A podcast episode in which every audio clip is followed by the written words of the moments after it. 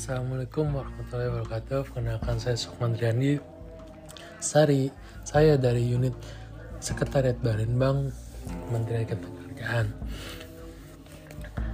Saya peserta Latsar CPNS tahun 2021. Di, saya akan menjelaskan kegiatan hari kedua saya bersama teman-teman kelompok saya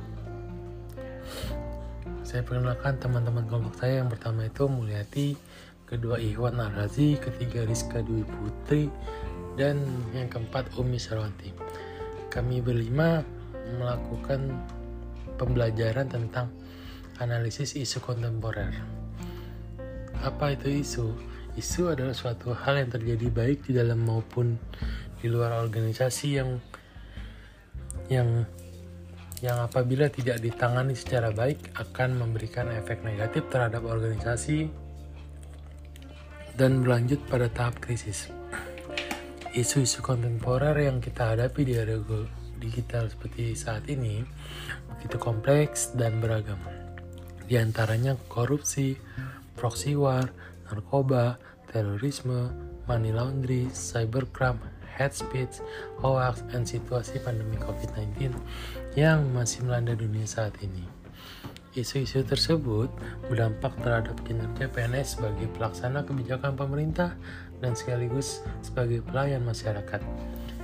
Kelompok kami menaruh perhatian terhadap tiga isu berikut. Yang pertama itu terorisme tergugah otak bom gereja katedral. Yang kedua terungkap kasus pencucian uang skala internasional. Yang ketiga, hoax seputar COVID-19 yang marak beredar di media sosial. Deskripsi isu yang pertama ini dari terorisme. Peristiwa ledakan bom yang terjadi di gereja Katedral Makassar pada tanggal 28 Maret 2021 cukup membuat masyarakat resah. Polisi telah mengamankan 32 orang terkait dengan peristiwa tersebut di antaranya adalah kelompok milenial. Tindakan teror yang dilakukan oleh kelompok orang ini disebabkan oleh pemahaman agama yang salah. Dampak dari peristiwa tersebut adalah menimbulkan ketakutan dan kekhawatiran di kalangan masyarakat. Yang kedua ini dari money laundering. Situasi pandemi yang melanda dunia dimanfaatkan oleh sekelompok orang untuk melakukan penipuan. Baris Krim Polri berhasil mengungkap kasus penipuan skala internasional dengan jumlah kerugian yang sangat besar. Yang ketiga ini kita dari COVID-19. Belakangan ini kita dibanjiri dengan banyaknya informasi di media yang akan tetapi banyak di antaranya yang beredar itu adalah berita palsu atau hoax. Tidak jarang hoax tersebut terlanjut viral yakini masyarakat sebuah kebenarannya. Nah, sebelum kita masuk ke materi, saya akan jelaskan teknik-teknik analisis isu. Yang pertama itu analis analis teknik-teknik analisis isu itu alat bantunya berupa misalkan menggunakan teknik tapisan yang menetapkan tentang nilai.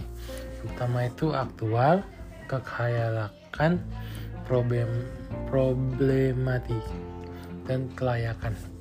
Nah di sini ada beberapa alat bantu menganalisis isu disajikan sebagai berikut. Yang pertama itu mind mapping. Yang kedua itu fishbone diagram. Yang ketiga itu analis SWOT. Yang keempat kesenjangan atau gap analis. Di sini kelompok kami memilih dengan dengan pertama APKL tapi Sanisu menggunakan analis APKL aktual problematika kekhayalakan dan layak. Berikut dianalis yang pertama itu teroris terduga otak bom gereja. Yang kedua terungkapnya kasus pencucian uang skala internasional. Yang ketiga hoax seputar COVID-19 oleh karena itu, kelompok kami memutuskan untuk membahas isu hoax seputar vaksinasi COVID-19 yang marak. Nah, di sini kami menggunakan analis penyelesaian masalahnya yaitu tentang isu hoax seputar vaksinasi COVID yang marak dari media sosial merupakan isu prioritas kami. Berikut merupakan analis penyebab isu yang terjadi dengan teknik fishbone.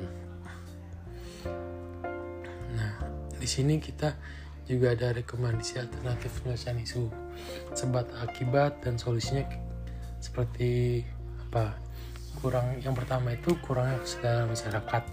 Nah, solusinya kita menyisipkan materi tentang penggunaan media sosial bagi siswa sekolah.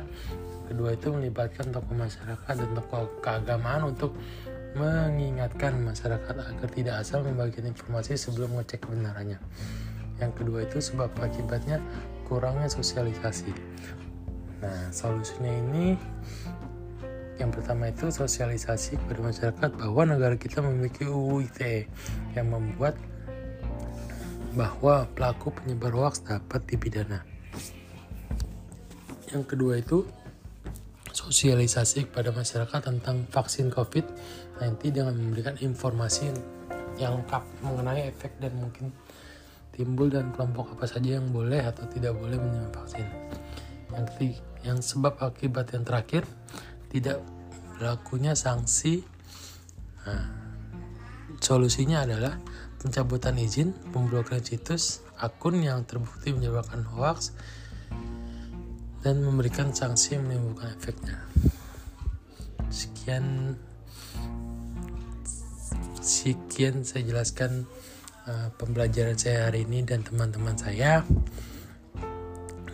Assalamualaikum warahmatullahi wabarakatuh